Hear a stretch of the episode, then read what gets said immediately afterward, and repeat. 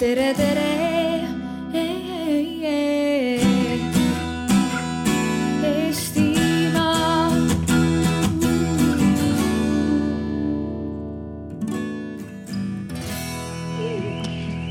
Nii, tervist ähm,. alustame nüüd tänase päeva teise aruteluga ja arutelu pealkirjaks on, miks on Eesti maailma parim koht energeetika startup'ide jaoks. Ma arvan, et kõik kuulajad võivad seda küsimust tõlgendada enne endale kas miks või kas küsimusena. aga ma loodan, et selle paneeli diskussiooni lõpuks me jõuame mingisuguse vastuseni ka äh,. väike side note ka siia, et terve see lava, kus te praegu olete, see on kolmandat aastat enam-vähem täpselt samamoodi olnud, nii et me taaskasutame enam-vähem kõike. põhupallid küll uuenevad iga aasta, aga me kõik ehitame ikkagi siia ise ja tavaliselt meil on ka päikesepaneelid siin olemas. ja mõned siis äh, innovatiivsed roheenergeetika või energeetika startup'id samuti. täna siis on siin Roofit Solar, lehvitavad seal ja mina ise olen Erkiani, olen sellisest mittetulundusühingust nagu Cleantech Forest ehk siis Cleantech for Estonia ja meie tegeleme Eesti roheinnovatsiooni toetamise, arendamisega ja rahastamisega. ja panelistideks on meil täna Martin Kruus, Georg Rute, Marit Lünkbäck ja Birgit Aru ja ma tegelikult lasekski paari sõnaga teil ennast äh, kiirelt tutvustada ka, siis kuulajad teavad, kellega me rääkima hakkame. Alustame Birgitist. ma alustan siit. tere kõigile, mul on hea meel siin olla. ma olen Birgit Aru. ma olen kliimapoliitika kujundamisega tegelenud üle seitsme aasta. seda nii Eestis, keskkonnaministeeriumis, Brüsselis Eesti eesistumise raames ja praegu ma töötan Euroopa Komisjonis. peamiselt tegelen pikaajalise kaks tuhat viiskümmend kliimastrateegia kujundamisega ja rahvusvaheliste kliimaläbirääkimistega tere ka minu poolt, aitäh Erki, et kutsusid siia, väga tore on Eestis käia ja olla. mina olen Marit ja hetkel äh, ma tegelen sellises äh, ettevõttes nagu Plug and Play, mis on üks maailma aktiivsemaid varase faasi startup investoreid. asub Californias Silicon Valley's ja tegelen seal rohetehnoloogia valdkonna partnerlussuhete juhtimisega ja ühtlasi olen Cleantech Foresti üks kaasasutaja aitäh. tere pärastlõunat, minu nimi on Georg Rute, töötan Eleringis, mis on siis elektri põhivõrk digitaliseerimise ja tarkvõrgu peal. minu äh, varasem kogemus on seotud äh, ühe ettevõtte Sympoweri asutamisega kaks tuhat viisteist, mis praeguseks jätkuvalt tegutseb äh, Soomes, Hollandis, mujal. mul on sihukene suure ettevõtte ja idufirma kogemus, millest tulenevalt on hea meel siin olla, aitäh Erki ja rõõm äh, paneelis olla tere, mina olen Martin Kruus, olen tegelenud äh, jämedalt võib öelda aastast kaks tuhat äh, taastuvenergia projektide arendamisega, taastuvenergia tootmisega. praegune ettevõte kannab nime äh, Sunly, see sai asutatud eelmise aasta lõpus eelmine ettevõte oli Nelja Energia. Sunly tegeleb laias laastus samade asjadega, aga rohkem rõhku oleme pannud, no me oleme seda nagu kogu aeg kõrvalt natukene vaadanud ja uurinud võimalusi siis investeerida ka taastuvenergia startup idesse ja, ja teadus-arendusse potentsiaaliga projektidesse. aga nüüd Sunly nii-öelda tegevustes on see suund järjest ja järjest nagu olulisem. ah soo ja võib-olla on siinkohal ka see, et tasub ära mainida, et ma olen ka selline äge komisjon on nagu siis innovatsioonipoliitika komisjon, mida juhib siis ettevõtlusminister. ja ma olen selle komisjoni liige, nii et riigi poolt olen ka neid asju natuke aega vaadanud. nii aitäh. ja tegelikult siitsamast ma hüppaks nüüd meie teemadesse sisse, et meil on sihukene üpriski lai paneel, kes tegelikult katab päris ägedad valdkonnad ära, seda nii Euroopast kliimapoliitika pealt kui siis ka USA-st, mis on sihukene startup'ide hotspot digitaliseerimise pealt ja energeetika pealt, kui siis ka investorsuhete pealt nii startup idega kui, kui traditsioonilisemate siis energeetikaprojektidega. et kui võtta nüüd praegune Eesti energeetika hetkeseis, siis meil on noh, meil on ikkagi fossiilkütused on sihuke lõviosa energiabilansist.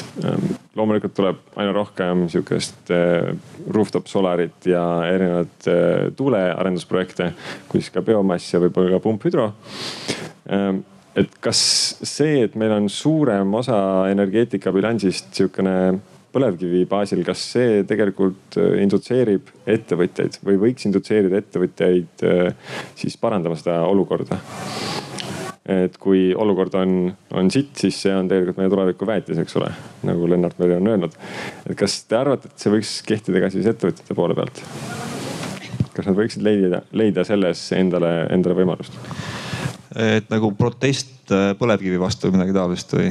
et see võiks niimoodi motiveerida võib kiiremini. võib-olla sihuke sisemine motivatsioon on nagu parem kui, kui protest öelda jah ja. Uh, no jah, selles mõttes, et mitte võib-olla nii palju nagu protest, aga, aga selles mõttes taustsüsteem on tõesti ju äh, selles mõttes hea, et, et potentsiaal on väga suur. Teha saab palju, aga noh, see Eesti põlevkivi muidugi noh, maailmapildis ta ütleme maailma energeetikas ta mingit erilist rolli ei mängi, ta on suhteliselt unikaalne üldse energiatootmisviis ka maailmas. ja, ja see jutt, mida me siin täna räägime, see on ikkagi noh, niisugune globaalne turg, et, et äh, seal see pole põlevkivile niisugune vastandumine noh, tegelikult ei tähenda nagu mitte midagi, et see võib olla mõnda kohalikku äh, investorit või, või siis noort, kes, kes läheb midagi õppima, eks ju, võib-olla seal see väike konflikt äh, äh, motiveerib niimoodi positiivselt, aga, aga suures pildis äh, ei oma mingit tähtsust see Eesti põlevkivienergeetika omalt poolt äh, kindlasti nõustun isiklikul tasemel, et äh, vaadates, et mille pärast peaks valima, mis oma eluga, mis oma eluga teha siis hea on, kui on midagi muuta noortel, et kui minna valdkonda, mis on täiesti küps ja, ja toimib hästi, siis seal on vähem teha. et isiklikul tasemel kindlasti, kui me ka ise kaks tuhat viisteist, nagu ma mainisin, asutasime energiaettevõtte, äh, mis pakub siis elektri paindlikkust põhimotivaator nii minul kui kaasasutajal Simonil oli ja on jätkuvalt äh, kliimamuutuse vähendamine nähes, et äh, energeetika on see valdkond, kus seda teha, ehk siis kui küsimus on selles, et meil on energeetikas suured muutused käimas, siis kas see on väetis tuleviku jaoks, siis isiklikul tasemel kindlasti, et inimestele, kes valivad, mida teha, siis tasub valida mõni probleem, mida lahendada, see on ka üks null üks või see kõige algus üldse, mida ettevõtlus teeb, eks ju. kui me räägime idufirmadest, siis idufirma lahendab mõnda probleemi kellegi jaoks, nii et keegi on nõus raha maksma. et suures pildis tasub strateegiliselt valida endale valdkond ja seega mitte otseselt küll põlevkivi vastu olemine. ma arvan, et äh, tuleb meeles pidada, et elektriturud ei ole üldsegi Eesti riigi piiriga kuidagi seotud. me oleme suurema elektrituru osa, mis on Põhjamaad ja laiemas pildis ka Euroopa ja Venemaa. ehk siis ähm, tuleb vaadata laiemalt, otseselt vastu ei ole mõtet olla, aga muutuste poolt kindlasti on minu vaade, et see on isiklik asi. ja ma arvan, et võimalusi jagub, aga kindlasti need startup'id, kes selles valdkonnas alustavad, et tasub meeles pidada, et edukad on need, äh, kes suudavad hästi koostööd teha energeetika valdkonnas ehk suurte ettevõtetega ja ka kohaliku valitsusega. et ei piisa ainult sellest, et sul on äh, parim tehnoloogia. sellised äh, valdkonnad, mis praegusel hetkel just nagu mm, suuri muudatusi näevad nagu energeetika tööstus, autotööstus, toidutööstus, et seal on kindlasti vajalik koostöö olemasolevate suurettevõtetega ja, ja koostöö äh, kohaliku valitsusega. et raske on üksi midagi äh, suurt ära teha selles valdkonnas, aga võimalusi äh, jagub, ma arvan et kõik peavad ikkagi olema samal joonel, selles mõttes sama, sama mõist-, mõistusega ja mõistmisega aga Birgit, kas, kui võtta nüüd seda, noh, me siin keskendume küll energeetika valdkonna peale, aga kui vaadata nüüd kliimapoliitika poole pealt, et siis mis, mis need on kõige potentsiaalsemad või kõige või siuksed valdkonnad, mis kõige rohkem vajaksid eh, innovatsiooni ja, ja uut ettevõtlust? ja äh tänasel päeval kliimamuutused on üks inimkonna tõenäoliselt suurimaid väljakutseid ja, ja tegelikult enamus äh, kasvuhoonegaaside heidet tuleb endiselt energeetikast, et äh, energeetika ja kliima on väga tihedalt seotud. Äh, kliimapoliitika ei ole kuidagiviisi eraldiseisev poliitika, et, et ta on integreerunud ja integreerub järjest rohkem kõikidesse valdkondadesse. energeetikas on kindlasti väga palju potentsiaali muutuda keskkonnasõbralikumaks. see aitab kliimamuutusi ohjeldada täna on väga huvitav aeg, ma arvan, just energeetikasektori jaoks, sest et ähm, kliimakriis, no enam ei räägi kliimamuutustest, järjest rohkem me räägime kliimakriisist. Äh, me näeme, et teadlased on tulnud välja, näiteks rahvusvaheline kliimamuutuste paneel eelmise aasta lõpus avaldas raporti, mis on nagu ala, veel rohkem alarmeeriv kui kunagi varem et äh, teadlaste sõnum on selge, tänased tegevused ei ole piisavad, et kliimamuutusi ohjata. meil on selged eesmärgid seotud äh, Pariisi kliimaleppega ehm, kui me vaatame, mis toimub ka võib-olla kodanikuühiskonna, äh, kodanikuühiskonnas, siis on väga selged ja väga tugevad liikumised, mis kaasavad just eriti noori inimesi. Äh, ja ma arvan, et neil on mõju, et, äh, et Eestis võib-olla see ei ole nii tugev, kuid tegelikult Lääne, Kesk-Euroopast need liikumised, liikumised on, on, on väga võimsad. seal ähm, Greta Thunberg, kes on noor Rootsi tüdruk, on, on mobiliseerinud miljoneid äh, õpilasi, on ju, võitlema kliimamuutuste äh, vastu.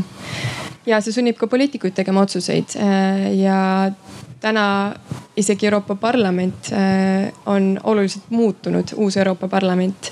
ja otsuste tegemisel, kõik kogu uue seadusandluse loomisel peab näiteks roheliste liberaalide arvamust äh, hoopis rohkem arvesse võtma, kui võib-olla varasem parlament seda teha võis.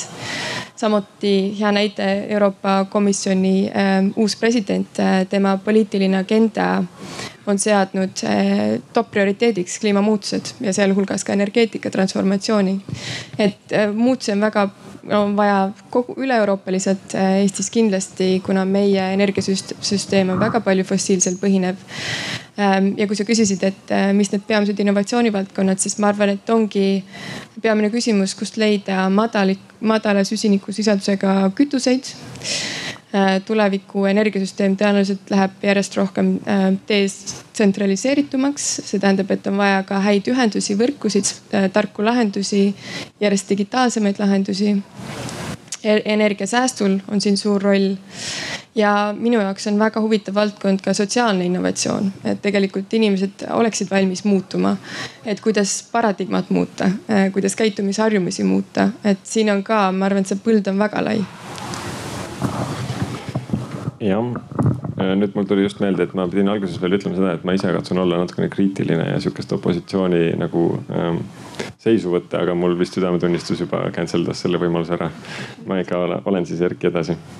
aga tegelikult siia äh,, siiasamma räägiks nüüd korraks siis teaduse rahastamisest ja ettevõtluse toetamisest ähm,. taustinfoks ma siin loen väikese lõigu ette, mis on siis Eesti teaduse arendustegevuse, innovatsiooni ja ettevõtluse arengukava eelnõust kaks tuhat kakskümmend üks kuni kaks tuhat kolmkümmend et kui kogu maailmas kasvab ootus riikidele juhtrolli võtmiseks mitte üksnes baas- ja rakendusteaduste rahastamisel, vaid ka innovatsioonile turu loomisel ja turutingimuste kujundamisel. Seda olukorda iseloomustab hästi niinimetatud innovatsiooni surmaoru kontseptsioon ehk siis Death Valley. avaliku sektori rahastus katab sageli ära vaid tehnoloogilise arenguprotsessi alusuuringute ja rakendusuuringute etapid. erakapitali huvi keskendub aga turulähedastele faasidele ehk siis toote turule tutvustamisele ja kommertsialiseerimisele. seega kujunevad innovaatiliste toodete arendusprotsessis kriitiliseks just uurimistulemuste ärilise rakendamise võimaluste analüüs, ärikontseptsiooni arendamine, prototüüpimine ja esmane testimine. Need etapid ei paku teadusasutustele teaduslikust aspektist enam huvi ning erakapitalile jäävad need etapid veel liiga riskantseks, sest võimaliku uue toote äripotentsiaal on veel ebaselge. ja siit edasi, et sarnane olukord valitseb ka Eestis nimelt vaatamata Eesti teaduse võrdlemisi kõrgele tasemele ei ole teadus leidnud piisavalt väljundit ümbritsevasse majandusse. nii on Eesti maailmatasemel teadus nõrgalt seotud peamiste Eesti tööstusharudega. era- ja avaliku sektori ühispublikatsioonide osakaal on langenud Euroopa Liidu kõige madalama näitajaga riikide tasemele, mis on siis poolteist publikatsiooni miljoni elaniku kohta ja võrdluseks, et Euro Euroopa Liidu keskmine on kakskümmend kaheksa koma seitse publikatsiooni miljoni elaniku kohta kuidas Eesti, kuidas siis see teaduse rahastamine peaks ettevõtlust toetama ja, ja kas ta nagu üldse peaks? kas me, kas me oleme huvitatud sellest, et ülikoolid peaksid tegema rohkem koostööd äh, suurkorporatsioonidega või suurettevõtetega? Äh, ja, ja kas ta, kas ta üldse peaks seda tegema? võib-olla Martin võib võtta selle otsa lahti, sest on otsapidi selle. otsapidi seotud selle ka. dokumendiga ka jah. selle, no see on nüüd nii palju kui mina tean, see on järg, teine dokument, et tegelikult sellele eelneb, selle dokumendi nimi on vist Teaduspõhine Eesti või midagi taolist, mis siis äh, lõpeb, selle periood lõpeb nüüd ära, aga ta oli siis tagasivaatavalt kuskil kümme aastat reguleeris jämedalt siis Eesti teadusarenduse arengut. ja, ja see eelmine dokument oli selline väga, kuidas ma ütlen, selline optimistlik äh, ja selline idealistlik dokument, siis, siis see, mida me praegu koostame, on, on tegelikult hästi kriitiline, mis on äh, mõnes mõttes positiivne, et on aru saadud, et, et äh, teadusest niimoodi abstraktselt majandusele otsest sellist kasu ei teki, et siin on vaja midagi ette võtta ja noh, see, mis sa sealt ette lugesid praegu ongi siis see nii-öelda äratundmine, et midagi on vaja teha teisiti. aga vaatamata sellele, et äh, et selline dokumendi eelnõu on olemas, äh, seda arusaamist äh, üldsegi ei ole et teadus peaks noh tegelema niimoodi vorsti tootmisega, et seda kujundit on ka osad poliitikud kasutanud, et, et mis te nüüd kujutate ette, et teadus on nagu vorst, mida saab leiva peale panna.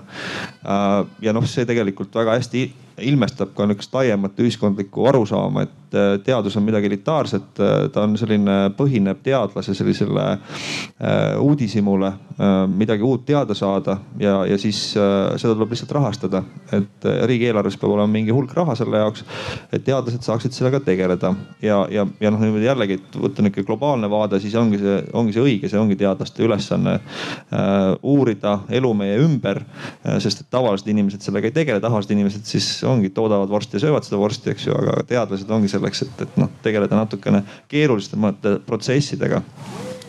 Aga miks nagu riik sellega nüüd äh, kangesti tegelema on hakanud, on ikkagi see, et, et vähenev, äh, vähenev nagu rahvastik või õigemini vähenev äh, tööjõuline elanikkond Eesti riigis ja, ja äh, noh, ehk siis järjest ja järjest neid inimesi, kes Eesti riiki nagu peavad üleval pidama, neid jääb kogu aeg jääb vähemaks, mis tähendab seda, et need siis, kes alles on, need, kes töötavad, peavad tegema midagi kogu aeg nagu nutikamat. See noh, nihuke elu lihtsalt sunnib äh, midagi teistmoodi nagu ette võtma ja, ja, ja tavaliselt see jutt läheb alati raha peale, et raha on vähe, andke raha, siis hakkab midagi toimuma ja ettevõtjad umbes noh, mitte ettevõtjad ise ei arva niimoodi, aga arvatakse, et, et kui ettevõtjatele anda raha, et, et siis nad hakkavad ka midagi teistmoodi tegema.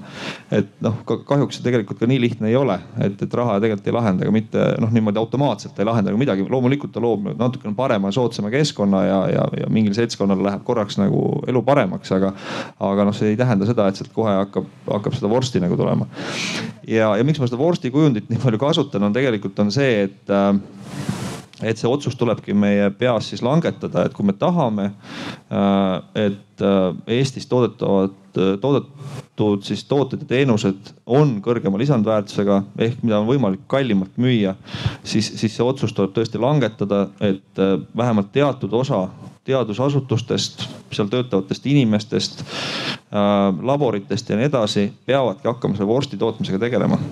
ja, ja kui me seda otsust ei langeta, siis midagi ei muutu. kui me selle langetame, siis on lootus, siis me hakkame looma vaikselt eeldusi, et sealt võiks kunagi midagi hakata nagu tulema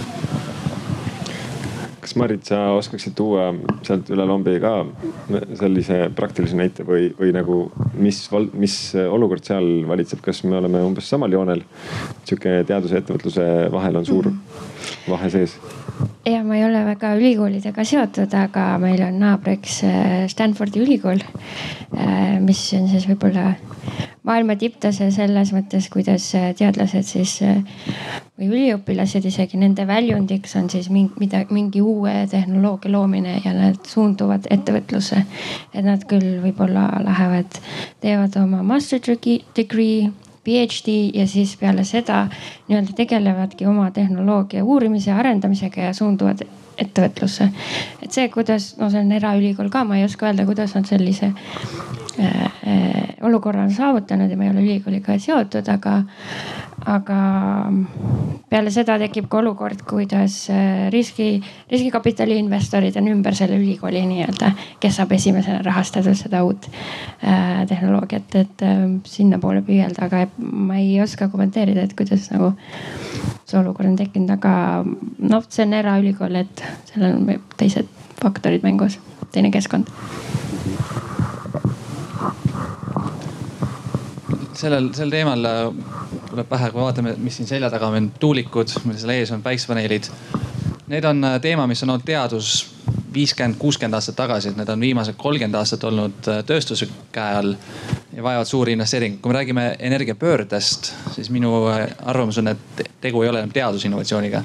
see oli juba mitukümmend aastat tagasi siis kui me vaatame, kuhu peaks siis Eesti teadus rahasid suunama energeetika valdkonnas, siis ma siinkohal äh, oma arvamust, äh, ma vaatan pigem, äh, pigem see nagu energeetika oli ka Eestis kunagi ammu, kui põlevkivi tuli, teadusteema, aga enam ei ole. et kui me vaatame, kuidas tulevikus puhast energiat toota, siis enam ei ole teadusest teema et ka innovatsioon on pigem majanduslik või, või sotsiaalne, et saadakse aru, kuidas veenda meid, kes me siin oleme, et me oma päiksepaneeli oma katusele siiski paneksime, et see, et see meile võimalikult lihtsaks teha. küsimus ei ole enam see, kas see päiksepaneel on kakskümmend kolm koma seitse või kakskümmend neli koma viis protsenti tõhus. See tasuvusvahe on juba tegelikult marginaalne, et ähm, lihtsalt selle tooks juurde, kui me räägime energeetikast, siis äh, teadus ja innovatsioon on äh, mitte enam mainstream nii-öelda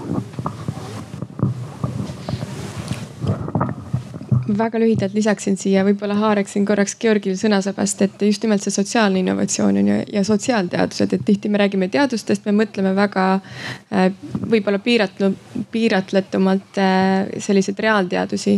kuid just nimelt äh, tänapäeval me liigume järjest rohkem üle teenustele ja, ja just, et kuidas inimesi saada äh,, tähendab, kuidas inimesi muuta äh, keskkonnasõbralikumaks ja, ja muuta nende tarbimisharjumusi. jah, väga õige point ähm,. vahepeal ütlen ka, et kui kellelgi on küsimus, siis võite käe tõsta. ja ma jooksen mikrofoniga sinna.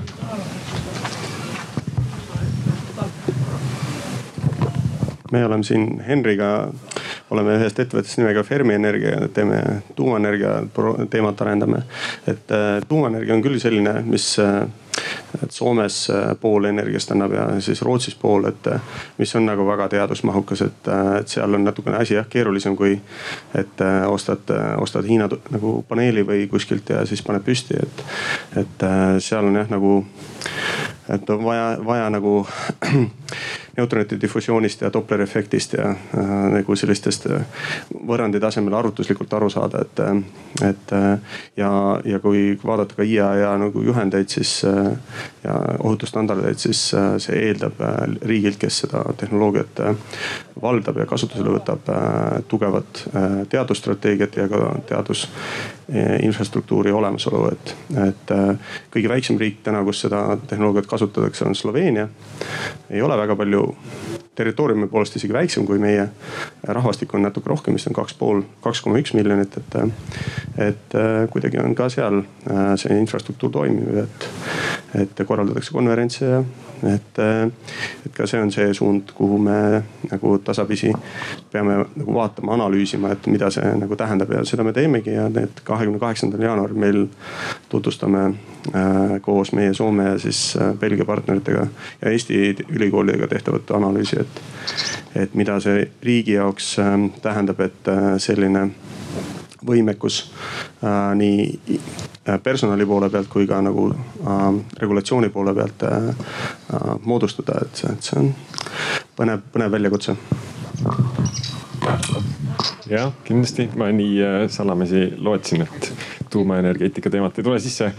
ja üks hetk kohe, siin on vastus ka veel. võib-olla kommenteeriks kohe, et omalt poolt ma alustasin oma õpinguid füüsikuna ja nagu füüsikutele omane, vaadatakse, kust tuleb kõige rohkem energiat, kuidas me saame tulevikus jätkusuutlikult energiat toota ja ühest aatomi lõhenemisest kakssada miljonit korda rohkem energiat kui ühest keemilisest reaktsioonist ja justkui uraaniumi on piisavalt, eriti kui seda ringlusse tagasi võtta.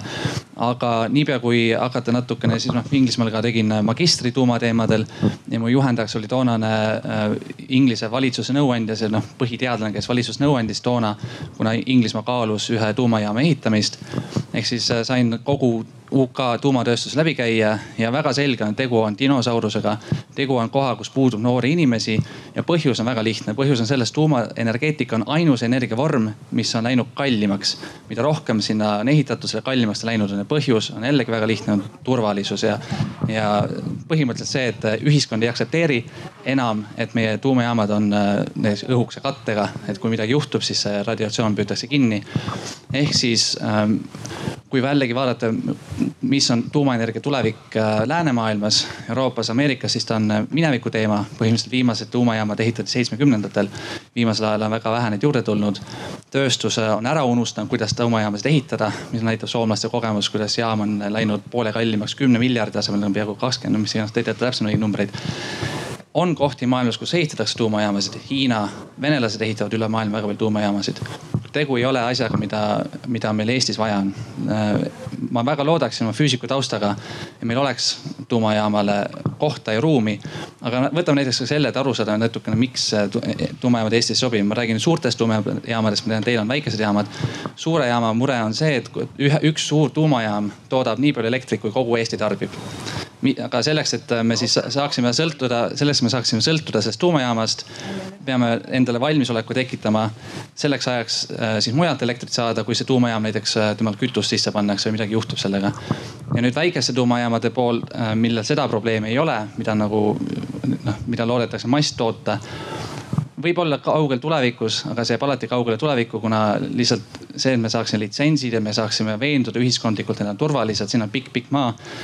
vaatamata sellele, mida veel lubatakse paberil, et äh, tuuma, tuumaenergeetika on äh, üks selgemaid äh, kohti sellest, mida on väga lihtne abstraktselt paberile, paberile kirja panna ja näidata, et see on väga tõhus, toot-, toimib hästi ja hästi paljulubav, aga niipea kui tegemiseks läheb, ilmnevad igasugused jamad materjalidest kuni kuhu iganes välja.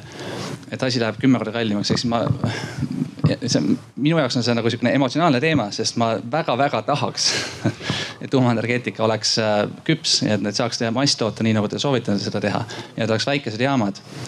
aga lihtsalt äh, võttes, äh, tehes silmad lahti ja vaadates, mida ütleb majanduspoliitika, inimeste arvamus, et tuumajäätmete töötlemine.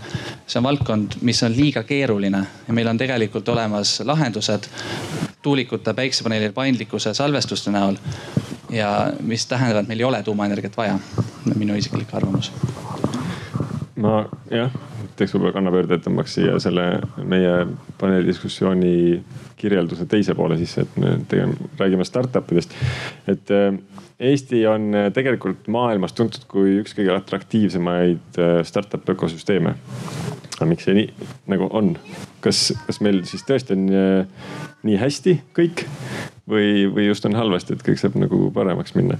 Ähm, meil on olemas startup viisa programm, millega me saame tuua siis äh, väljaspoolt Euroopa Liitu endale startup äh, tegijaid, startup'i asutajaid. Äh, meil on e-residentsus, et need mõlemad võimaldavad, kes siis veel ei tea, et need kõik programmid võimaldavad väliseuroopplastel ähm, registreerida enda ettevõtte siin, avada pangakonto ja teha, tuua endale põhimõtteliselt turg Euroopasse kätte, et kui näiteks mõni startup on Indiast pärit, aga ei soovi ise olla näiteks Eestis, siis ta saab seda teha kõike digitaalselt. Voila ja, ja kui nüüd tuua see energeetika teema sisse, siis tegelikult Eesti on maailmas kindlasti pioneer äh, just äh, tarkade lugerite suhtes, smart metering. Ähm, millest kindlasti Georg oskab äh, palju rääkida.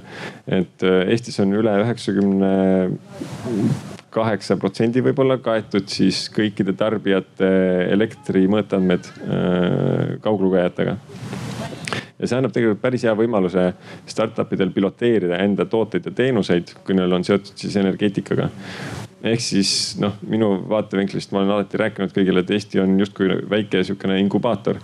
et kui mõni startup on kas Euroopast või USA-st või kes teab kust, et siis tegelikult on võimalik nende toodet või teenust piloteerida siin. kindlasti Georg annab kõik ligipääsu igasugustele andmetele ja, ja saab neid andmeid töödelda, käsitleda ja sul tekibki piloteerimisvõimalus terves riigis ja siis nagu inkubaatoritest ikka minnakse edasi kuskile välja, skaleeritakse enda ettevõte suuremaks, minnakse välismaale oma päristurule siis tegutsema.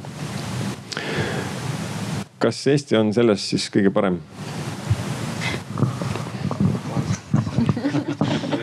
jätkan oma juttu jah, Eesti on väga hea pilootriik. kui me võtame ühe näite, noh ma töötan Eleringis tarkvõrgu talituses ja nagu Erki rääkis, tõesti Eestis on Elektrilevi poolt paigaldatud ja teiste võrguettevõtete poolt paigaldatud kaugloendurid. mis tähendab meie kõikide kodudes, ettevõtetes tarbitud ja toodetud elekter, mis võrku tuleb, on teada ja istub ühes suures andmeaidas Eleringis ja me oleme teinud süsteemi, mis on masinliides, mis võimaldab turvaliselt neid andmeid jagada. mina oma koduandmeid saan jagada minnes e.elering.ee ja valides mõne ettevõtte, kes juba on liidestunud. miks see on huvitav? on, on selles mõttes relevantne küsimus, et huvitav on see sellepärast, et paljud energiateenused energia, näiteks võtame päiksepaneeli, need on siin silme ees. üks põhiküsimus, kui tahta päiksepaneele panna katusele näiteks poodidele või suurematele tööstustele, on kui palju sellest toodetud elektrist pood või tööstus ise ära tarbib. suur osa sellest tasuvusest on see, et see koht ei pea elektrit ostma. põhimõtteliselt saab elektrit ilma võrgutasudeta, saab odavamalt kätte ja see on päiksepaneeli tasuvuses oluline osa. nüüd, kui on olemas terve tarbimise ajalugu viimase kümne aasta kohta, on võimalik seda tasuvusanalüüsi väga täpselt teha. Ehk siis näiteks see on üks näide, näide, miks andmed on vajalikud ja kasulikud nüüd, kui me räägime sellest äh, piloteerimisest, siis Eestis on olemas äh, kogu ahel, et andmetele ligi pääseda. me oleme teinud piloote, noh Elering on teinud piloote koos hiljuti ühe, ühe Leedu ettevõttega, V-Power. Äh, Leedus on küll asutatud, nad toimetavad USA-s, Austraalias, natuke ka Hispaanias ja mujal põhimõtteliselt nende sõnum ja nende kogemus oligi, et kui nad tahavad Hispaanias või Austraalias elektriandmetele ligi pääseda, peavad nad endale ehitama põhimõtteliselt sama süsteemi nagu meil on, et see maksab neile umbes miljon eurot, et saada andmetele ligi. samas kui Euroopas äh, seadustik nõuab, et kahe-kolme aasta pärast peavad olema igal pool andmed kättesaadavad, siis Eestis on see juba olemas. mis tähendab, et nad saavad oma ärimudeli siin katsetada, teades, et Eesti turg on väga väike, siin nad äh, jätkusuutlikult äri üles ei pane aga nad saavad siin äh, esimesed artiklid põhienergeetika ajakirjadesse, saavad tähelepanu investorite seas, saavad tähelepanu inimeste seas ja põhimõtteliselt head turundust teha. ja see on väga väikese kuluga, kuna meil on kõik vajalikud süsteemid olemas, et meil on üldiselt vastuvõtlikud inimesed, me oleme innovatsioonimeelelised, meil on noh, kõik on ID-kaardid, me kõik saame ennast no,. Eestis on lihtsam asju alustada ja katsetada, kui näiteks siis noh Hollandis või, või Äh, või UK-s, kus ma ise elanud olen ja mõelnud, et äh, Eesti pilootriigina kindlasti selles valdkonnas äh, energeetikas ja eriti nendes asjades, mis vajavad tarbijasuunalisi lahendusi, et see on, Eesti on nendeks hea katsetusriik. Marit, kas sul on ette tulnud seal üle lombi, et kas, kas Eestit nähakse sellise riigina päriselt ka või see on lihtsalt sihukene eestlaslik uhkus? Mis meil sees on, et me oleme nii hästi kõik toimetame. või kas sul on näiteks startup'e tulnud, kes ütlevad, et nad piloteerisid Eestis, näed, ja nüüd on tehtud ja nüüd tulevad USA-sse? Äh, seda ei ole kahjuks ette tulnud, et äh, mõnes valdkondades jah, kuidagi ma olen näinud, et Eesti on hästi tuntud, et eriti kui ma satun jutustama mõne suure Jaapani korporatsiooniga ja siis, kui nad kuulevad, et ma olen Eestist, no siis nad lähevad väga elevile ja tahavad kohe kindlasti rohkem teada, et äh, Eesti äh, digisüsteemidest, et kõik need on kuulnud ja nad on nagu väga ärevil sellest. et ähm, mõnes valdkonnas jah, tihtipeale nagu tullakse küsima, et ja, et ma olen kuulnud, et Eesti on nagu selline eesrindlik riik ja palju startup'e tuleb Eestist. energeetikas äh, kahjuks veel mitte. aga ma siiski arvan, et see on hea koht nagu just äh, varase faasi startup'ile, kes alustab. Äh, siin on palju lihtsam suhtleid, suhteid luua, kui sa tahad mõnda pilooti teha või midagi testida. et ähm, sa ei pea nii-öelda kõigepealt tegelema sellega, et jõuda õigete kontaktideni, et äh, see kõik käib väga kiiresti siin. et äh, kui sul on olemas esimene piloot, siis äh, on sul palju-palju lihtsam ka minna väga suurte ettevõtete juurde nii-öelda järgmist pilooti tegema ja nüüd vaadates siit Euroopast, kas, kuidas siis Euroopast Eestit vaadatakse? kas me oleme selline sihuke roheline lipp või siis pigem sihukene, milline me oleme? Äh, mul on olnud mitmeid vestlusi, äh, kus ma ütlen, et ma olen Eestist ja alati öeldakse digi see tuleb tõesti väga tihti välja, see digikuvand on levinud ja inimesed teavad Eestit digi läbi. et, äh, et see on nagu selline kana-muna asi vist, et kunagi on see kuvand nagu tekitatud, võib-olla isegi natuke kunstnikult. siis on jälle tulnud, see on toonud investeeringuid, on tekkinud reaalseid tulemusi, reaalseid lahendusi, mis on tähelepanu tõmmanud, mis on ka toimima hakanud ja nüüd see toodab nagu kui iseennast. et seda kindlasti. Ja, ja digi tegelikult tähendab ka sellist avatust muutustele või avatust uuendustele. Ähm, et, et seda kindlasti Eestis on. Ja, ja päris huvitav, et ma olengi mõelnud, et, et miks meil võib-olla on selline avatus digile, et, et paljudes Lääne-Euroopa riikides inimesed kardavad tihti selliseid innovat-, innovat-, innovaatilisi lahendusi, mis Äh, mis toimuvad äh, kuidagi äh, digitaalselt, et, et see on, see on väga huvitav küsimus. üks asi, mis ma tahtsin võib-olla Georgi jutule lisada, et sel ajal, kui Georg asutas Sympoweri, siis ma töötasin keskkonnaministeeriumis. Ja sel ajal tekkis võimalus ähm, kvooditulusid investeerida innovaatilistesse lahendustesse. Ja tehti otsus toetada startup kogukonda ja, ja väga lühikese ajaga tegelikult me seadsime üles koostöölepingud Garage neljakümne kaheksaga, me toetasime mitmeid erinevaid äh, selliseid algatusi. ja, ja nüüd olles elanud äh, kahes erinevas välisriigis, ma mõistan, kui äh, imeline maa on Eesti selliseid kiireid otsuseid tegema. vahel, kui meil võib-olla tundub ka siin olles, et need asjad ei käi üldse nii kiiresti, siis kujutada ette, et sellised lahendused tekiks näiteks Belgias, olles puutunud kokku sealse bürokraatiaga. noh, see, see see on oluliselt keerulisem. et Eestis kindlasti see väiksus äh, kindlasti on, seab mingisugused piirangud, kuid seda saab kindlasti pöörata ka kasuks või, või eeliseks, et, ähm, et Eesti on väike dünaamiline riik, et seda kindlasti võiksid äh, startup'id ära kasutada. Jah, ma äh, sekundeerin veel ise sellele, et Eesti on väga suure digikuvandiga riik, et käisin just hiljuti ringmajandusmissioonil Malaisias, kus ma kohtusin ühe inimesega, kes oli Türgi kodanik, ähm, elas Soomes, ei äh, Türgi kodanik, kellel oli Soome naine, elas äh, Malaisias ja ettevõte oli registreeritud Eestis läbi residentsuse nii et päris ja Eesti digiriigist, digikuvandist teavad loomulikult kõik kõike. Ehm, siit see, et, et Eesti on väike, loomulikult see on väga hea, me teame kõiki, kõik teavad kõiki ja kui sul on vaja kellegagi kohtuda, siis sa küsid sõbra käest, et kuule, sul oli LinkedInist üks mutual friend, nii et ühenda mind, ole hea aga tuleb välja, et see ei ole ka hea, äh, niivõrd hea, kui me arvame, et võiks olla, sest et äh, see, et Eesti on väike, see tähendab, et meil on ka pädevaid inimesi vähe. ja sealtsamast sellest arengukava eelnõust, mida ma enne tsiteerisin, ma ausalt nii pikalt enam ei loe. et seal öeldakse veel, et äh, iduettevõtluse ökosüsteem ei ole jätkusuutlik ning iduettevõtluse potentsiaal innovatsiooni vedurina vajab arendamist. iduettevõtte iduettevõtete valdkonna väljakutseteks on jätkuvalt kõrgelt kvalifitseeritud tööjõu nappus ning kasvufaasi jõudnud ettevõtete rahastus, mis on alustamisfaasi rahastusvajadusega võrreldes märkimisväärselt suurem. ehk siis kaks probleemi. et meil ei ole piisavalt kvalifitseeritud tööjõudu ja et meil ei ole piisavalt palju raha. kuidas te sellega suhestute? kas see, see, et Eesti on väike, kas see tegelikult on siis hea või, või ei ole või? Tulen, tuleks pealkirja juurde korra tagasi, et kas Eesti on maailma parim koht, et no vot seda saabki, et kuidas seda nagu hinnata, kuidas seda mõõta, et kui seda mõõta mingite numbritega, siis ta kindlasti ei ole, sest et noh, siis meil peaks olema maailma kõige rohkem ütleme energeetika startup'e, mida meil ilmselgelt ei ole.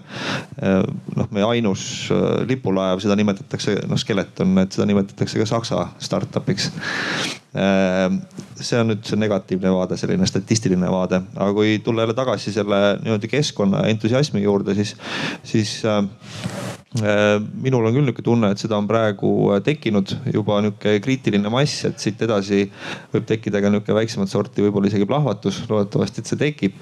ja, ja mina vaatan äh, küll väga optimistlikult ja sa ütled, et inimesi ei ole, noh tõsi, meil ongi vähe inimesi, aga, aga need head näited ja need selle valdkonna sellised edulood, need kindlasti tõmbavad inimesi noh siia juurde. ja noh, tõesti piirid on ju täna lahti need teenused ja see innovatsioon on tegelikult globaalne, see, me ei lahenda mingeid Eesti spetsiifilisi probleeme, tegelikult me lahendame globaalseid probleeme. ja siin ma tegelikult ei näe mingisuguseid noh tõkkeid, meil on noh piirid on tõesti lahti, inimesed saavad reisida ja, ja kogu digitaalne infovahetus ja kõik see ju töötab et see, mida vaja on, ongi neid päris edulugusid, et noh, meil hakkab see pot, ütleme potentsiaal äh, hakkab nagu tekkima või noh, ta mingil määral on juba olemas. aga sinna on vaja jah neid edulugusid nagu peale teha ja, ja noh, võib-olla sinna teaduse rahastuse juurde ka veel korra siit nagu tagasi hüpates, et et äh, noh, tegelikult ka me peame seal rääkima mingitest konkreetsetest lugudest, konkreetsetest projektidest, et et mis on selle eesmärk, mis on selle ajakava, äh, kuidas läks, mis läks valesti, millised on õppetunnid. et äh, noh, siis me võib-olla saame natuke selle asja niimoodi kiiremini liikuma, sest et ja, ja siis ilmselt tuleb ka sinna rahastust nii era kui riigi poolt rohkem, sest et äh, siis tekib ka selline arusaamine, et millega seal üldse tegeletakse, kuhu tahetakse jõuda vigu tuleb tunnistada, äh, neid tuleb selgitada.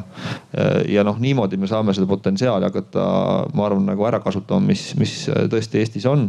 mis puudutab, me rääkisime praegu tarbimise juhtimisest, aga noh, tegelikult on ta natukene laiem, et ta on kogu energiasektori digitaliseerimine.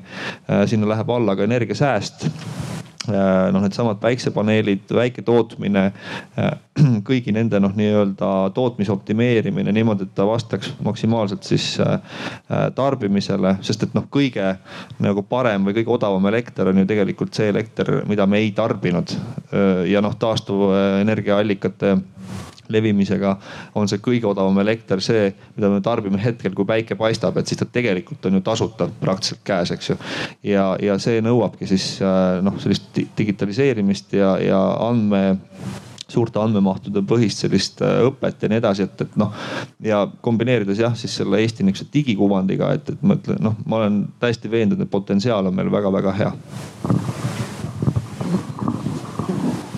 küsimus oli tööjõu kohta põhimõtteliselt, et kas meil on piisavalt äh, häid inimesi, et äh, idufirmasid alustada, et mu onu, kes on praegu, ta on turundusjuht Telias ja tema on püstitanud küsimuse, mis, mis võiks olla Eesti bränd.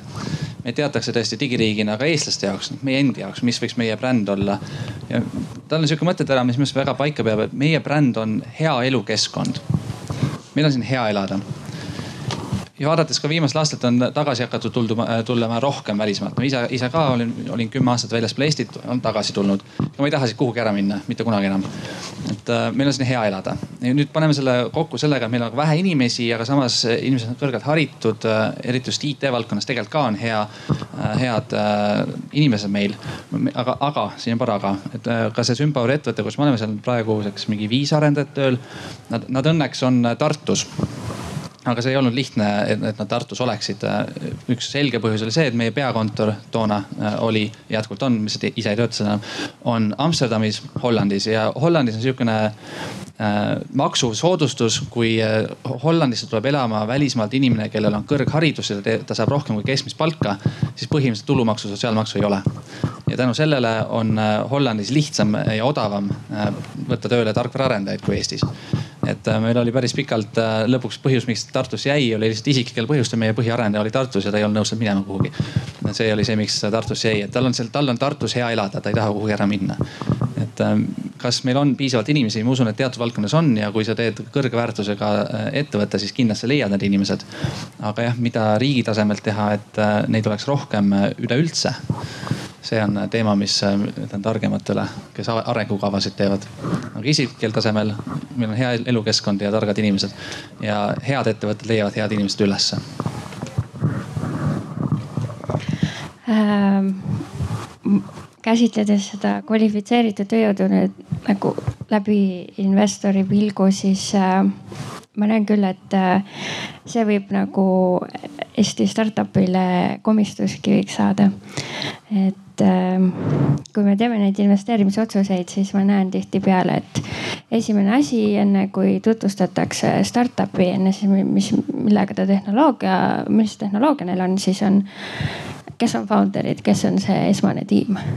et kui sul on seal äh, no, kohalikud startup'id, kes siis on doktorikraadiga, kes Stanfordist, Google, kaheksa Google X employees, X Facebook employees äh,, samamoodi nagu meil on ka kontorid, kaheksa kontorit Hiinas. ja millised on nende founder tiimid näiteks on siis kaheksa esimest töötajat on äh, doktorikraadiga MIT-st.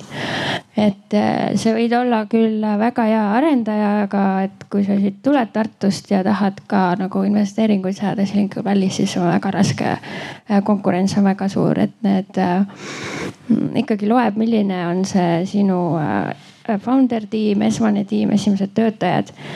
et kuidagi soodustada seda, et, ähm, et äh, siinsed startup'id saaks tuua omale nii-öelda maailma tausta ja, ja, ja haridusega inimesi juurde, et see, see võib muidu komistuskiviks, kiviks kindlasti saada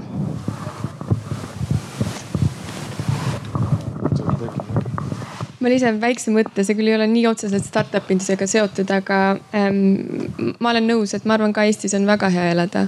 ja mina näiteks ka pikemas perspektiivis kindlasti vaatan Eesti poole, olles ka mujal elanud ähm, üks mõte võib-olla veel, kuna sa alustasid sellest Eesti väiksusest, et, et sihuke nal-, huvitav paralleel võib-olla, et olles olnud tihti ka läbi, läbirääkimisruumides, kus on väga paljud suured tegijad laua taga, siis vahel on mõni väga karismaatiline ja väga sõnaosav läbirääkija, kes võtab sõna, ta võib olla maailma kõige väiksemast saareriigist. Ja kui ta räägib hästi, siis see jääb kõlama ja see võib muuta kogu selle ruumi dünaamikat, et, et see on sihuke väike naljakas paralleel, aga, aga ma tõesti usun, et, et, et ka see on võimalik. jah, sinna me tahtsimegi jõuda ähm,. energeetika startup'e on Eestis pigem vähe tegelikult. ma võiks nimetada praegu kuskil kümme, kolmteist nad kõik ei ole kindlasti sellises arengujärgus, kus nad võiksid kaasata suuri investeeringuid, et pigem on seal arendust äh, on vaja veel palju teha. kui publiku seas on äh, energeetika huvilisi ja startup'i huvilisi, siis võtke minuga ühendust, ma ühendan teid startup idega aga millist rolli te näete näiteks suurettevõtete ja siis startup'ide vahel või siis kui suurettevõtetest nii-öelda tekib innovatsioon, äh, nii-öelda in-house innovatsioon ähm, versus see, et äh, teadusasutustest tekivad nii-öelda spin-off äh, ettevõtted. et kumb on see nagu sihukene eelistatum, see on puhtalt oma arvamusel. et kas suurettevõtted, kellel on kompetents, kellel on äh, pikad traditsioonid, üpriski palju kapitali ja, ja tooteid, tehnoloogiaid, mida edasi arendada ja mida, millesse innovatsiooni süstida või siis see, et teadusasutustest äh, luuakse puhtalt uut innovatsiooni ning siis seda püüda ettevõtluseks äh, ümber kujundada. kumb võiks olla see sihukene noh, ütleme siis Eesti mastaabis startup'ide jaoks õige suund. kas sa tahad nagu küsida seda, et, et kas meie nii-öelda innovatsiooni ja startup'i allikad võiksid olla Eesti suurettevõtted või? jah, täpselt, noh, see on ka tegelikult selle teaduse innovatsioonipoliitika või sihukese teadusrahastuse äh, taustal küsimus siis. ja no sellisel juhul me peaksime vaatama, et mida nad teinud on, eks ju, et need näiteid peaks ju siis olema, et need suurettevõtted ilmselt niimoodi üleöö meil siia juurde ei teki, need, need, mis on, need on ja. ja me saaksime seda hinnata, vaadata, et kus, kus sealt nagu midagi tuld on. et äh, noh, kui energeetikasektorit vaadata, siis ega neid suurettevõtteid seal palju ei ole, üks-kaks võib-olla. ja noh, siis me võimegi analüüsida, et mis sealt nagu tulnud on aga, aga noh, kindlasti, mis sealt tuld on, on, on inimesi tulnud, et noh, selles mõttes äh, on nad kindlasti äh, nagu mingiks allikaks, arenguallikaks. ja, ja võib-olla on tulnud ka mingi, mingi äriidee, mis on suurettevõttes nagu äh, seal tekkinud ja hiljem on seda asutud nagu realiseerima, aga see, et, et noh, võtame näiteks Eesti Energia. et see, et sealt tuleks nüüd rohemajanduse või taastuvenergeetika mingeid startup'e, minul ei tule mitte ühtegi meelde ma ei tea, kellelgi äkki tuleb ei, ei, ei, ei, eks ju, noh, siis me võime öelda, et sealt ei tule midagi aga, või, aga kas, inimesi tuleb, ma, ma ise töötasin sellega kunagi. kas võiks tulla uh,? ei, sest et noh, ütleme, et uh, Äh, ei ole seda noh ülesannet või kultuuri olnud, et äh, Eesti suurettevõtted, ma räägin jällegi ainult energeetikast, tegeleksid ja õigemini siis taastuvenergeetikast. et äh, jätame selle põlevkivi kõrvale ja selle kogu selle ajaloo, kuidas, kuidas see asi on arenenud ja nii edasi, aga kui me vaatame ettepoole, siis noh, ei ole üldsegi ettevõtte omanikud või juhtkond või, või keegi ei ole seda ülesannet isegi nagu püstitanud, et, et ettevõte peaks kangesti tegelema teadusarendusega noh, nii-öelda in-house, et noh, seal pole niisuguseid osakondagi ega niisugust ülesannet, et ja noh, see tähendabki, et sealt ei tule ka mitte midagi, eks. et noh, tellitakse küll töid ülikoolist erinevaid, aga, aga et oleksid mingisugused äh, meeskonnad, kes töötavad nagu in-house. Äh, minu teada seda ei ole, mis tähendab, et järelikult sealt ka midagi ei tule. et äh, ta pigem ikkagi peaks tulema siis noh nimetame seda siis kesksuureks äh, või väikeettevõtluseks. Äh, ja, ja ütleme noored, äh, kes tulevad mingite heade ideede peale, tulevad ülikoolist või, või ise töötavad ülikoolis. ja, ja noh, see on see seltskond, kes selle innovatsiooni tegelikult nagu tekitab ma küsin korraks siit Mariti käest. Äh, sina tegeled igapäevaselt enam-vähem sellega, et, et siis suurkorporatsioone ja startup'e ühendada, kokku viia mm. -hmm. kas äh,, kuidas see süsteem toimib, sest noh, Eestis meil pole seda, sest meil pole suurkorporatsioone. aga, aga kas suurkorporatsioonidel või ütleme siis suurettevõtetel, kas neil endal on ka tegelikult olemas mingisugust pädevust, et kas nad soovivad seda, kui nad leiavad mingi startup'i, mingisuguse match'i, kellega nad tõsiselt näevad, et neil on vaja seda tehnoloogiat või vähemalt seda tiimi kas nad ostavad selle endale ümber, üle või nad pigem investeerivad sellesse ning lasevad selle siis omasoodu käia mm? -hmm. see oleneb ettevõttest, et äh, praeguses äh, töökohas, kus ma olen, et me töötame väga suurte ettevõtetega. ütleme, kelle käive on seal äh, kindlasti kõvasti üle miljardi aastas.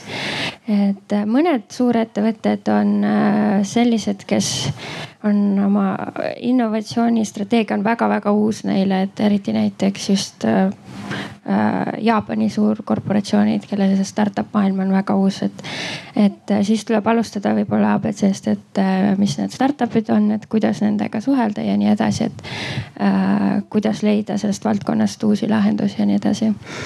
aga teised on sellised, kes äh, nii-öelda neil on oma äh, nii-öelda in-house äh, selline innovatsioonitiim, kes siis, neil on selline intrapreneurship programm, kus siis töötajad ise äh, saavad välja tulla uute lahendustega.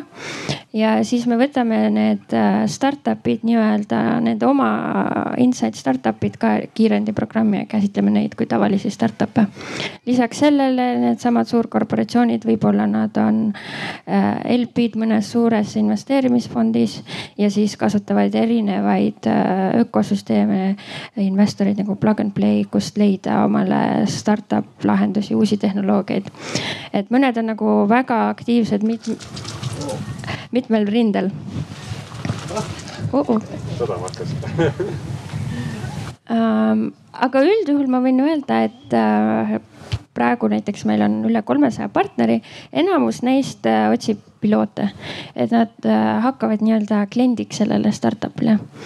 mõned ka investeerivad koos Plug and Play'ga või siis eraldi ja peale pilooti võib-olla siis näiteks nad äkki on erinevad äh, eksklusiivsuslepingud, et see startup saab ainult selle suurkorporatsiooniga koostööd teha äh,. või siis peale seda nad näiteks ostavad selle startup'i, aga üldjuhul äh, nad tahavad äh, teha kõigepealt piloote äh, ja kasutada seda teenust, kui see piloot hästi läheb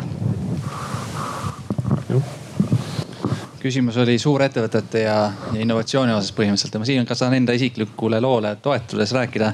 mu äh, nii-öelda karjäär hakkas pihta Saksamaal, siis ma olin Lõuna-Saksamaal suures-suures äh, elektriettevõttes Energie Baden-Württemberg, mis on siis põhimõtteliselt Edela-Saksamaa suurim ja põhiline, noh nende Eesti Energia nii-öelda niisiis läksin pärast ülikooli sinna innovatsiooniosakonda, sest sellel ettevõttel nagu paljudel teistel on innovatsiooniosakond.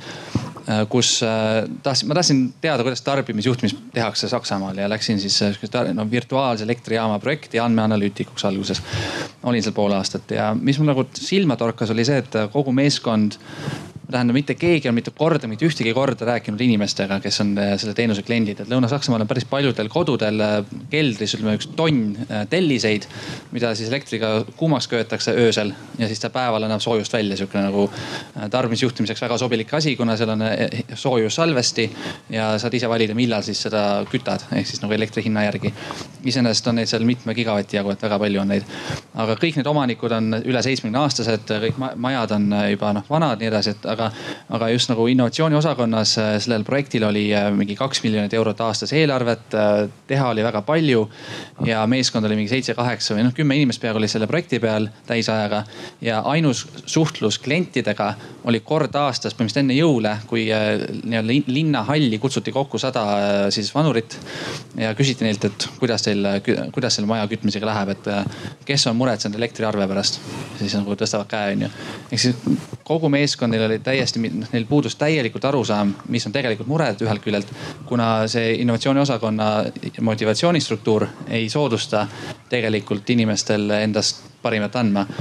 lõppude lõpuks, miks inimesed äh, teevad enda ettevõtte, miks nad innovatsiooni taga pilt, suures pildis kaks põhjust. kõige põhilisem põhjus on see, et sa oled selle uue asja omanik, sul on võimalik äh, esiteks siis rikkaks saada, teiselt poolt ise oma elu suunata, eks ju, sa oled äh, nii-öelda, kas sa, sa saad rikkaks või siis oled kuningas. see on nagu kõige ürgsemad motivatsioonid, miks inimesed midagi ise teevad, aga innovatsiooni osakonnas, kui sa töötad, puuduvad mõlemad motivatsioonid, et su palk ei, palk ei sõltunud üldsegi nendel kümnel inimesel, kuidas neil läks.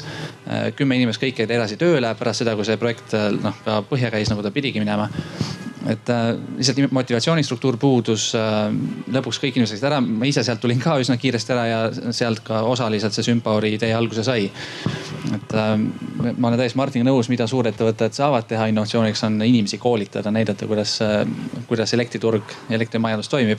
aga innovatsiooni maja sees toota või ma olen väga skeptiline, ei ole näinud ühtegi head näidet, kui keegi head näidet teab, siis palun öelge Birgit, kas kliimapoliitika arendamisel, kumb on olulisem, kas ettevõtlus või teadus, kumb pannakse rohkem pjedestaalile? Väga raske küsimus. Äh, ma arvan, neid ei saagi niimoodi järjestada, need peavad käima käsikäes. Ähm, ja ma arvan, sellest saadakse aina, aina enam aru. eriti kui me räägime innovatsioonist, siis see käib tihtipeale aina enam äh, teadusega käsikäes kui et tavalise ettevõtluse arendamine jah, ma ei, ma ei saaks neid panna kuidagi äh, järjestikku. kas publikust on vahepeal küsimusi tekkinud? on, ma tulen sinna korraks. selline küsimus, et äh, kui suurettevõtted nagu ei saa hakkama selle arendustegevuse kujundamisega oma majas, et äh, milles siis asi on? inimesed on ju inimesed, kas on sul startup või on suurettevõte, ikka juhid inimesed, mitte robotid, eks ju. et kas siis äh, tegelikult suurettevõtluse omanikud on võhikud oma personalivalikutes või, või milles asi? Võib-olla kommenteerin kohe, kohe pealt siia, et minu vaatest ei olegi probleemi, et suurettevõtted väga head nendes asjades, mida nad teevad ja sellepärast nad ongi suurteks edukateks saanud, et ilmtingimata ei peagi suur ettevõte, kes milleski väga hea on, mille tegelema asjadega, mis ei ole teada, kas need õnnestuvad nii edasi, et seal on teistsuguseid motivatsioonistruktuure vaja, et inimesed peavad saama omanikud olla, kui nad uut asja teevad. minu, minu vaates ei ole probleem, et väga hea on, et on, kui keegi tahab teha oma asja ja innovatsiooni teha, et tal on tulevikus võimalik see oma ettevõte maha müüa mõnele suurele ettevõttele, see on minu arust nagu väga loomulik asjade käik, et minu vaatest ei ole siin probleemi, suured ettevõtted on head selles, mis nad teevad ja loodame, et nad jäävad heaks ja suudavad no, tasapisi innovatsiooniga minna. aga väga põhjapanevat innovatsiooni, see võikski väljaspoolt tulla. minu meelest, minu vaatest on siin kõik hästi. ma arvan, et nende ähm, töökultuur on väga erinev, et äh, äh, startup äh, peab liikuma väga kiiresti, olema paindlik, et suured ettevõtted ei saa nii palju riski võtta ja neil on väga palju inimesi ja nii edasi, et nad üldjuhul liiguvad palju-palju aeglasemalt. aga neil on suur mõju, et äh, seepärast neil tasubki nii-öelda võib-olla seda innovatsiooni siis väljast otsida hea küsimus, selles mõttes lisaks juurde, et tegelikult küsimus ei ole jah selles, et, et kus see innovatsioon sünnib, pigem õige küsimus on see, et, et kuidas üleüldse innovatsioon sünnib. ja see on nihuke miljoni dollari küsimus, sest et kui oskaks sellele vastata, siis tuleks neid edukaid startup'e noh nagu kogu aeg. ja, ja, ja kui analüüsida seda, et, et kuidas üldse innovatsioon sünnib, siis, siis pigem on vist jah nii, et, et need on väga üksikud äh, suurettevõtted, kes võib-olla Eestis neid, energeetikasektoris neid ei ole, aga, aga, aga võib-olla noh, kui me laiemalt vaatame, siis kindlasti me mõnega leiame. aga et tekitada seda noh, seda siis niisugust positiivset ja, ja eesmärgile pühendunud ja nii-öelda ennastsalgavat ja mida kõiki neid eh, omadusi sinna vaja on, et, et üks innovatsioon sünniks, et seda teha niisuguse bürokraatliku, välja kujunenud, selline natukene stagneeruva organisatsiooni sisse hakata ehitama siis sellist rakukest, mis on täiesti erinev kui see muu organisatsioon, ma arvan, see ei ole reaalne aitäh. kas, kui kellelgi on veel küsimusi, siis hoidke kätt üleval veits aega, kuni ma teid vaatan. aitäh äh, aga tuues selle energiapöörde teema siia sisse ähm,. meil on üldiselt ikkagi suurettevõtted need, kes toodavad äh, ja edastavad meile energiat. Äh, startup kui selline on üpriski väike paindlik, aga väike, rakukene, et kui palju see roll üldse startup idel on? kas neil on üldse võimalus üksi äh, seda valdkonda nii-öelda disrupt ida? või, või siis nad peaksidki koostööd tegema suurte korporatsioonidega, kes võib-olla siis teevad neid jällegi aeglasemaks no siin on see, et kui sa räägid energia tootmisest, eks ju, ja siis või, või noh, energiatehnoloogia startup'ist, need on natuke erinevad asjad. et äh, noh, energia tootmine kui selline on äärmiselt kapitalimahukas valdkond ja seal kasutatakse, seal selles mõttes selle startup maailmaga mingit, mingit pistmist seal on vastupidi. et seal äh, kasutatakse ainult proven technology, mille peale saad pangast laenu võtta, mille saad kindlustada, et need on tegelikult noh, üsna erinevad maailmad. et see tõenäoliselt jääb suurettevõtetele, kuigi mis ei tähenda seda, et, et Äh, mingi väike iseseisev noh, nii-öelda eriti just taastuvenergeetika arenguga noh, niinimetatud independent power producer'id äh, on täiesti olemas. Nelja Energia oli, oli üks selline, kasvas ka päris kiiresti, et noh, ka seal sektoris võib ka niisugust startup mentaliteeti nagu rakendada. aga varem või hiljem noh, need startup'id ise noh, selles mõttes nad nagu lahustuvad seal, et nad peavad äh, kasvama ja siis nad muutuvad, äh, noh, keegi ostab nad üles või nad ise muutuvad sellisteks suurettevõteteks. et noh, sellel energia tootmisel selles mõttes nagu startup maailmaga nagu väga palju äh, ühist, ühist ei ole, kuigi noh, jah, jällegi kui me tuleme inimeste juurde tagasi, et siis need, need inimesed võivad seda seal tekitada, aga mitte, mitte noh, organisatsioon, eks ju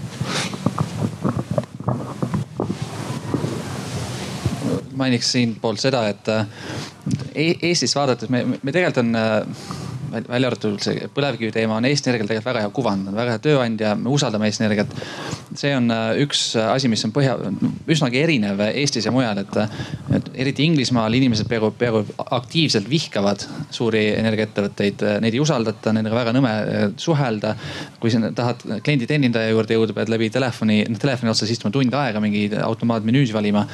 et, et see on nagu see erinevus, mille tõttu äh, vähemalt Inglismaal ja mõnes muus riigis on kui ühiskond valmis äh, selleks, et, et, et tuleksid uued innovaatilised startup'id ja nendest saaksid need uued äh, suured ettevõtjad, et Inglismaal on päris mitmeid äh, uusi elektrimüüjaid, kes on endale juba miljoneid kliente saanud et kindlasti on, on ruumi, aga ma arvan, et Eestis võib-olla mitte selleks, et tuleksid uued innovatsioonid niimoodi turule.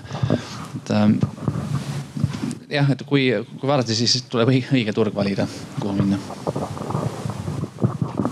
mm. -hmm nüüd, kui ma keeran selle laua natukene teistpidi Jaapani näitega.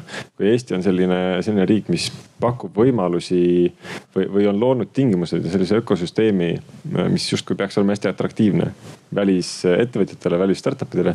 võib-olla Marika Truu Startup Estoniast saab praegu öelda jah või ei, kas, kas, kas siis startup'id on hakanud rohkem tulema Eestisse pärast startup viisa ja e-residentsusprogrammi käivitamist. kas Eesti on muutunud rohkem atraktiivseks siis välis, välis-Euroopa ettevõtjatele. kindlasti väga tore ähm,. siis see on hea ähm,. Jaapani näitel äh, pärast kaks tuhat üksteist aasta Fukushima intsidenti ähm, teatavasti siis pandi tuumajaam kinni ja hakati kasutama natukene kallimaid fossiilkütuse, fossiilkütuse siis äh, energiaallikaid. see tõstis siis ka elektri hinda, mis omakorda siis tekitas turule äh, uue, uute alternatiivenergia innovatsiooni nõudluse. Mis siis justkui tegi teistpidi, et kui Eestis on selline atraktiivne keskkond ja me toome äh, ilma eel, eelnenud, sellele eelnenud pauguta, siis Fukushima või noh, Jaapanis siis toimus vastupidi, et seal toimus see pauk ära ja siis oli vajalik, et, et oleks alternatiivseid ja innovatiivseid energiatootmisvõimalusi ja, ja üldse selliseid äh, ütleme siis võrgulahendusi. Virtual power plant'id ja, ja kõik muu, mis sinna siis kaasaegsete infrastruktuuridega kaasa läheb. Kas Eestis peaks ka sihuke pauk ära käima? et meil siis see valmis tehtud ökosüsteem äh, saaks endale nagu korra, sihukese äh, täisväärtusliku hoo sisse kas see võiks aidata või on seal mõni sihukene regulatiivne pool, mida peaks veel, veel pöörama, et Eesti, Eestis siis nagu valmis seatud ökosüsteem saaks, saaks hoo sisse? Meil varsti käib üks sihukene nagu justkui pauk see, et me elektrisüsteemi ühendame Lääne-Euroopaga, võtame, Elering tegeleb praegu sellega, et äh, sünkroniseerida Mandri-Euroopa, Euroopaga elektrisüsteem Venemaast lahti ühendada. on selles mõttes äh, sihukene pauk, et see avab äh, uued turud energia paindlikkusele, eelkõige just asjadele, millega Sümpower tegeles. miks, miks me Eestis, miks nad Eestis ei tegutse, on see, et meil siin ei ole elektri paindlikkusel ei ole väga palju väärtust. esiteks Põhjamaades on hüdrojaamad, mis suudavad tuult päris hästi tasakaalustada. siis elektri hind päev ette turul on üsnagi stabiilne. samuti tunni sees reaalajas pakub kogu piirkonnas tasakaalustamist Venemaa. piltlikult Vene, Moskva juhtimiskeskus juhib Volga kaskaade. et see, see on see, mis hoiab meil sekund sekundist elektrisüsteemi täiesti stabiilsena. kui Elering praegu iga aasta tasakaalustamise, elektrisüsteemi tasakaalus hoidmise eest maksab Venemaale selle teenuse eest üks miljon eurot, siis äh, palju me maksame aastal kaks tuhat kakskümmend viis, kui me oleme ühendanud ennast Lääne-Euroopaga, kus me peame nii-öelda enda osa eest ise maksma. hinnanguliselt, hinnanguliselt sihuke noh, kakskümmend, kolmkümmend miljonit eurot, et see, see vahe, see kakskümmend, kolmkümmend miljonit eurot on, on siis raha, mis hakkab tulema energeetikaettevõtetele, kes pakuvad tasakaalustamist Elering tahab seda teha läbi turu, turumehhanismide, mitte et meie äh, kolleegid äh, Eleringis valiksid, kellele raha maksta, vaid me tekitame äh, võrdsed tingimused, mille alusel turupakkujad tulevad ja ostavad, pakuvad meile teenust. ja sihuke nagu energeetikasektoris on suur muutus on lähiaastatel tulemas, mis kindlasti hakkab soodustama paindlikkust eelkõige, tarbimisjuhtimist ja, ja muid salvestustehnoloogiaid võib-olla ma lisaksin siia veel selle ka, et praegu tegelikult annab ka turg äh, signaali energiapöördeks, et kui me vaatame, mida teeb CO2 kvoodi hind, siis see on täna kõrgem kui ilmselt kunagi varem. ma ei tea, mis need viimased äh, numbrid on, üle kahekümne viie euro. et ma kindlasti ei tahaks seda nimetada pauguks, sest et äh, see kvoodisüsteem on kehtiv alates kahe tuhande viiendast aastast. ja tegelikult see on alati näidanud, et, et, et hind, kvoodi hind hakkab tõusma, et nüüd ta on tõesti teinud mõnevõrra kiirema tõusu, et see ka kindlasti suur, suunab ettevõtteid äh, säästlikumatele lahendustele et äh, ja, et kui niimoodi lihtsalt vastata, siis loomulikult see pauk või mingi kriis on alati innovatsioonile kasuks, see on selge, aga noh, me ikkagi üritame seda saavutada ka ilma selle, selle kriisita, eks ju. et mingi black out Eestis äh, noh, ega, ega me ju tegelikult seda ei soovi, et loodet-, loodetavasti need muutused tulevad ilma, ilma selleta kas on vahepeal küsimusi tekkinud? Tegelikult ma läheks äh, enam-vähem viimase küsimuse peale. Ähm, vastavalt teie enda siis valdkonnale. Ähm, kuidas, kuidas te näete Eesti sihukesest noh, ütleme siis energi-, Eesti energeetika startup'i äh, hetkeseisu või kas te näete, et seal on potentsiaali või siis, mis on teie taustalt äh, lähtudes see oluline asi, mis peaks muutuma, et meil tekiks juurde startup'e? või kui te arvate, et meil ei peaks üldse olema energeetika startup'e, siis võite ka seda öelda. Võtaks teid järjest läbi? No Viker, ma alustan siis, et äh, noh, tegelikult ma natuke enne seda rääkisin ka, võib-olla siis lihtsalt kordan, kordaks üle, et äh, teatud potentsiaal on olemas äh, teatud inimesed on olemas, mõned startup'id, nagu sa lugesid üles, kolmteist said niimoodi ruttu trõpp said kokku, on ka olemas. Äh, siit peaks kindlasti edasi liikuma. Äh, ja noh, mina näen seda suurt ikkagi kasutamata potentsiaali. noh, üks on noh, loomulikult on see, mis on noh, nii-öelda pesitseb või peitub ettevõtetes, aga, aga ettevõtted on ikkagi või noh, ütleme ettevõtlus äh, on ühiskonna osa, kes siis peab tegelema nagu majanduslikult otstarbekate asjadega, ta ei saa niimoodi niimoodi abstraktselt noh tegeleda, et kliimamuutus ütleme tundub nagu selline suur teema ja ma tegelen ja ma hakkan sinna aega ja raha investeerima lihtsalt sellepärast, et see tundub noh põnev. et noh, ettevõtted nii ei tööta, et, et, et see ettevõtjate noh, nii-öelda sinna see peiduspotentsiaal ikkagi äh, aval, avaldub või vallandub siis, kui äh, tekivad need äh, noh, vähemalt selline mõõdetav siis selline plaan äh, mingi projekti osas. Äh, et, et sealt kunagi võiks midagi, midagi nagu tagasi tulla.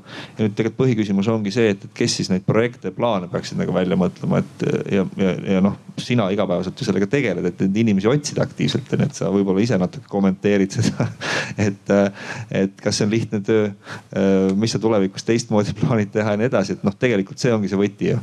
et need inimesed tuleb leida ja, ja ikkagi neid teadusasutusi ka natukene viskame ikka kive sinna kapsaaeda ka, et noh, seal on ka neid inimesi ju täna juba olemas. Äh, nad on kõrgelt haritud, nagu Eesti on igasuguste haridusmõõdikutes äh, kõrgetel kohtadel meil haritud inimesi nagu on. aga nad ei tegele nagu nende asjadega, eks ju, ja noh selle vorsti jutu juurde tagasi tulles, et noh, natukene laiem selline ühiskondlik mõttekoht ongi see, et, et kas me, millega meie targad inimesed siis ikkagi tegelema peavad, et, et kui selline ülesanne äh, neile püstitada või nad noh, tegelikult nad peaksid iseendale selle ülesande ise püstitama. et on vaja siis Eestis ettevõtlust edendada ja nutikaid tooteid välja mõelda, siis, siis need asjad hakkavad nagu liikuma, aga, aga, aga noh, ma ütlen, see võtmekoht ongi nagu selles, et, et, et need inimesed üles leida ja tekitada neis motivatsioon, et nad hakkaksid sellega tegelema. aga kuidas seda teha, noh, see on ikka pikem jutt ja, ja tõenäoliselt noh, valmis vastuseid seal pole ka idufirmade ja startup'i innovatsioon on, algab ja lõpeb inimestega, et kui küsida, mida teha, mida peaks tegema, siis võib-olla üks, üks tähelepanek, isiklik tähelepanek äh, on erinevus äh, ülikoolide õppe, no suhtumises ülikooli õppesse Eestis ja siis Inglismaal ja mujal. põhimõtteliselt, et Inglismaal minnakse ülikooli väga keskendunult lühikeseks ajaks, maksimum kolm aastat väga ja kõrvalt ei tehta tööd. et äh, noh, meil siin publikus on üsnagi palju inimesi, kes, kes teist õppisid samal ajal või tähendab, kes tegid tööd ja teenisid raha sel ajal, kui te õppisite ülikoolis noh, pooled, pooled, eks ju. see on, see on väga teistsugune pilt, kui küsida seda Lääne-Euroopa, Lääne-Euroopas mujal väga vähesed, peaaegu mitte keegi. Ehk siis noh, jah, siin on väga palju põhjuseid äh,. alates sellest, et Eesti on väga palju majanduslikult edasi arenenud võrreldes äh, kümne, kahekümne aasta taguse ajaga. see selleks, ehk siis mida ma tahaks öelda, on see, et äh, väärtustada õppimist rohkem, kui me räägime innovatsiooni arengust. kui me räägime sellest, et äh, jõuda sinnamaani, et meil on teaduspõhised innovatsiooni toovad idufirmad, siis need saavad ikkagi alguse ülikoolidest lõppude lõpuks ka, ka, ka Sympower. jah, osa loost toimus äh, Saksamaal suures energiaettevõttes, aga see idee, arusaam, mida vaja muuta on energiasektoris, tulenes ikkagi Imperial College Londonist, eks meie professorilt. seal oli äh, siis selle nagu valdkonna põhiprofessor, kes väga lihtsalt seletas ära paindlikkuse vajaduse elektrivõrgus, et, et ülikoolides saab see alguse, ma arvan, et Tallinna Tehnikaülikoolis on äh, väga häid inimesi.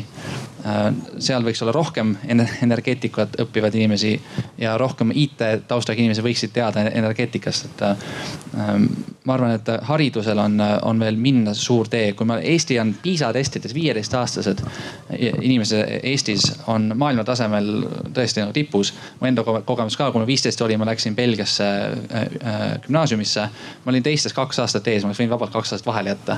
aga kuidagi see hariduse edumaa meil, meil kaob ülikoolis.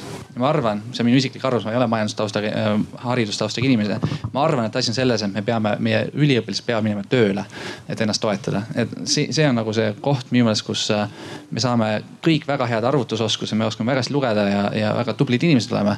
aga see süvateadmised jäävad puudu, et see, see koht on minu vaates, mida Eestis saaks teha teisiti tänapäeval vist eh, paljud tudengid lähevad tööle ka startup idesse. mis on võib-olla siis hea just. see on hea. see on hea see on fine. Marit ma arvan, et sa ise oled teinud head tööd Clean Tech Forestiga, et äh, seda kogukonda kokku tuua, äh, kes on huvitatud energeetikast ja startup valdkonnast. ja Clean Tech Forest tegutseb just nagu uuema põlvkonna harimisega ja startup loomisega eri, läbi erinevate programmide aga ma tahaks näha rohkem, et Eesti suurettevõtted ja keskmise suurusega ettevõtted äh, teeks koostööd sellise startup ökosüsteemiga. Ähm, et läbi, et paljud ettevõtted siin ma olen pannud tähele, et teevad juba erinevaid häkatone ja nii edasi. aga reaalselt selliseid äh, kiireid äh, piloote erinevate äriüksuste vahel, et see, see võib-olla nii hästi veel ei toimi. Ähm, ma usun, et ähm, ütleme, sealt tulevad ka need uued teadmised, et milliseid lahendusi, mis on need mure, murekohad suurettevõtetel, et eh, milliseid lahendusi nad otsivad ja võib-olla sealt tuleb ka uh, uusi ideid startup valdkonda. Ma tahaks loota, et, et tegelikult ka selged poliitilised signaalid annavad startup idele, kui mitte midagi enamat, siis vähemalt sihukest head taganttuult sel aastal näiteks äh, Euroopas me peame kokku leppima, et millal me tahame jõuda kliimaneutraalsuseni. ja välja on käidud aastaks kaks tuhat viiskümmend, kas see ka nii jääb, see on nüüd riigipeade otsustada. aga see just sellised pikaajalised eesmärgid seataksegi äh, pikaajaliste investeeringute suunamiseks. samamoodi aastani kaks tuhat kolmkümmend Euroopa Liidus me oleme kokku leppinud kliimaenergeetika eesmärgid, kogu seadusandluse, kuidas selleni jõuda. aga need eesmärgid ise ei ole mitte midagi, kui neid ei saavutata. et just see märksõna ongi delivery, et kuidas, kuidas selleni jõuda ja see eeldabki reaalset tööd on the ground, et nagu maapinnal. Et äh, selles mõttes ma tahaks uskuda, et ka see aitab äh, startup, startup indust ja ettevõtlust laiemalt edendada.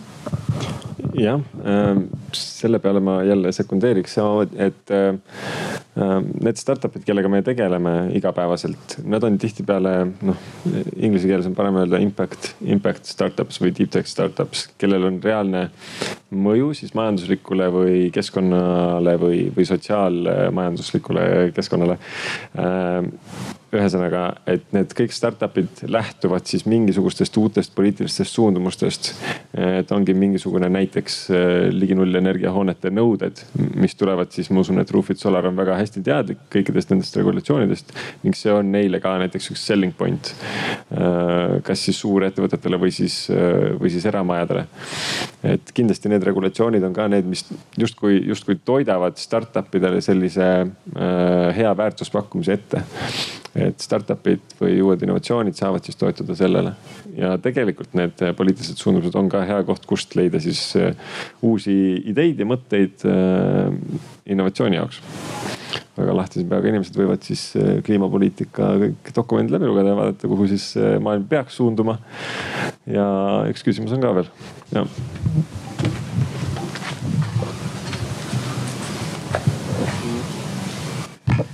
Tere, eh, Henri Ormus ja tuumaenergeetika Soomes elanud kümme aastat, töötanud seal. ka Fermi Energia co-founder. siin on paar kommentaari eelkõnele-, kõneluste kohta. üks asi oli Jaapani teema tõid sisse, et äh, tuumaenergia kõik on kinni pandud, eks ju.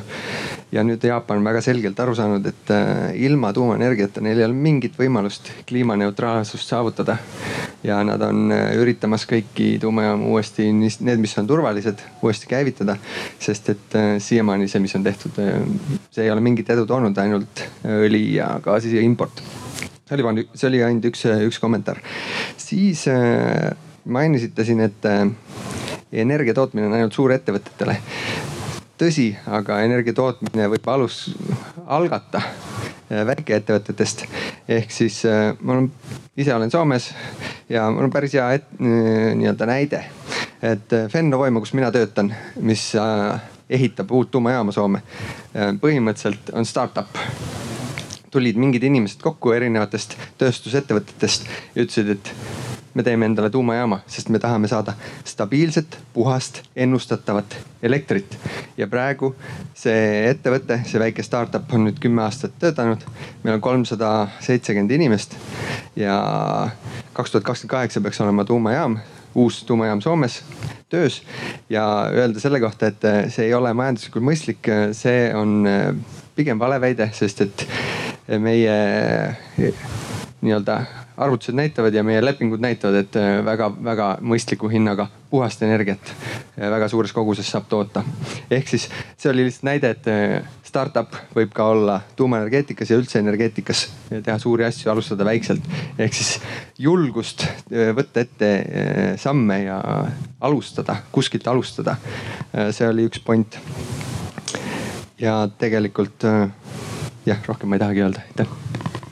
aitäh, see Jaapani näide oli jah, pigem see, et vabandust, et kuidas siis äh, traditsiooniliste tehnoloogiate äh, ütleme puudused siis äh, võivad sünnitada innovatsiooni ja siis väliskapitalide sissevooluvust täpselt samamoodi, et UK-st näiteks on väga suur huvi tekkinud just Jaapani turule, kus nad loovadki igasuguseid äh, virtual power plant'e või V2X äh, power plant'e. Ehk siis näiteks vehicle to building storage süsteeme ja nii edasi.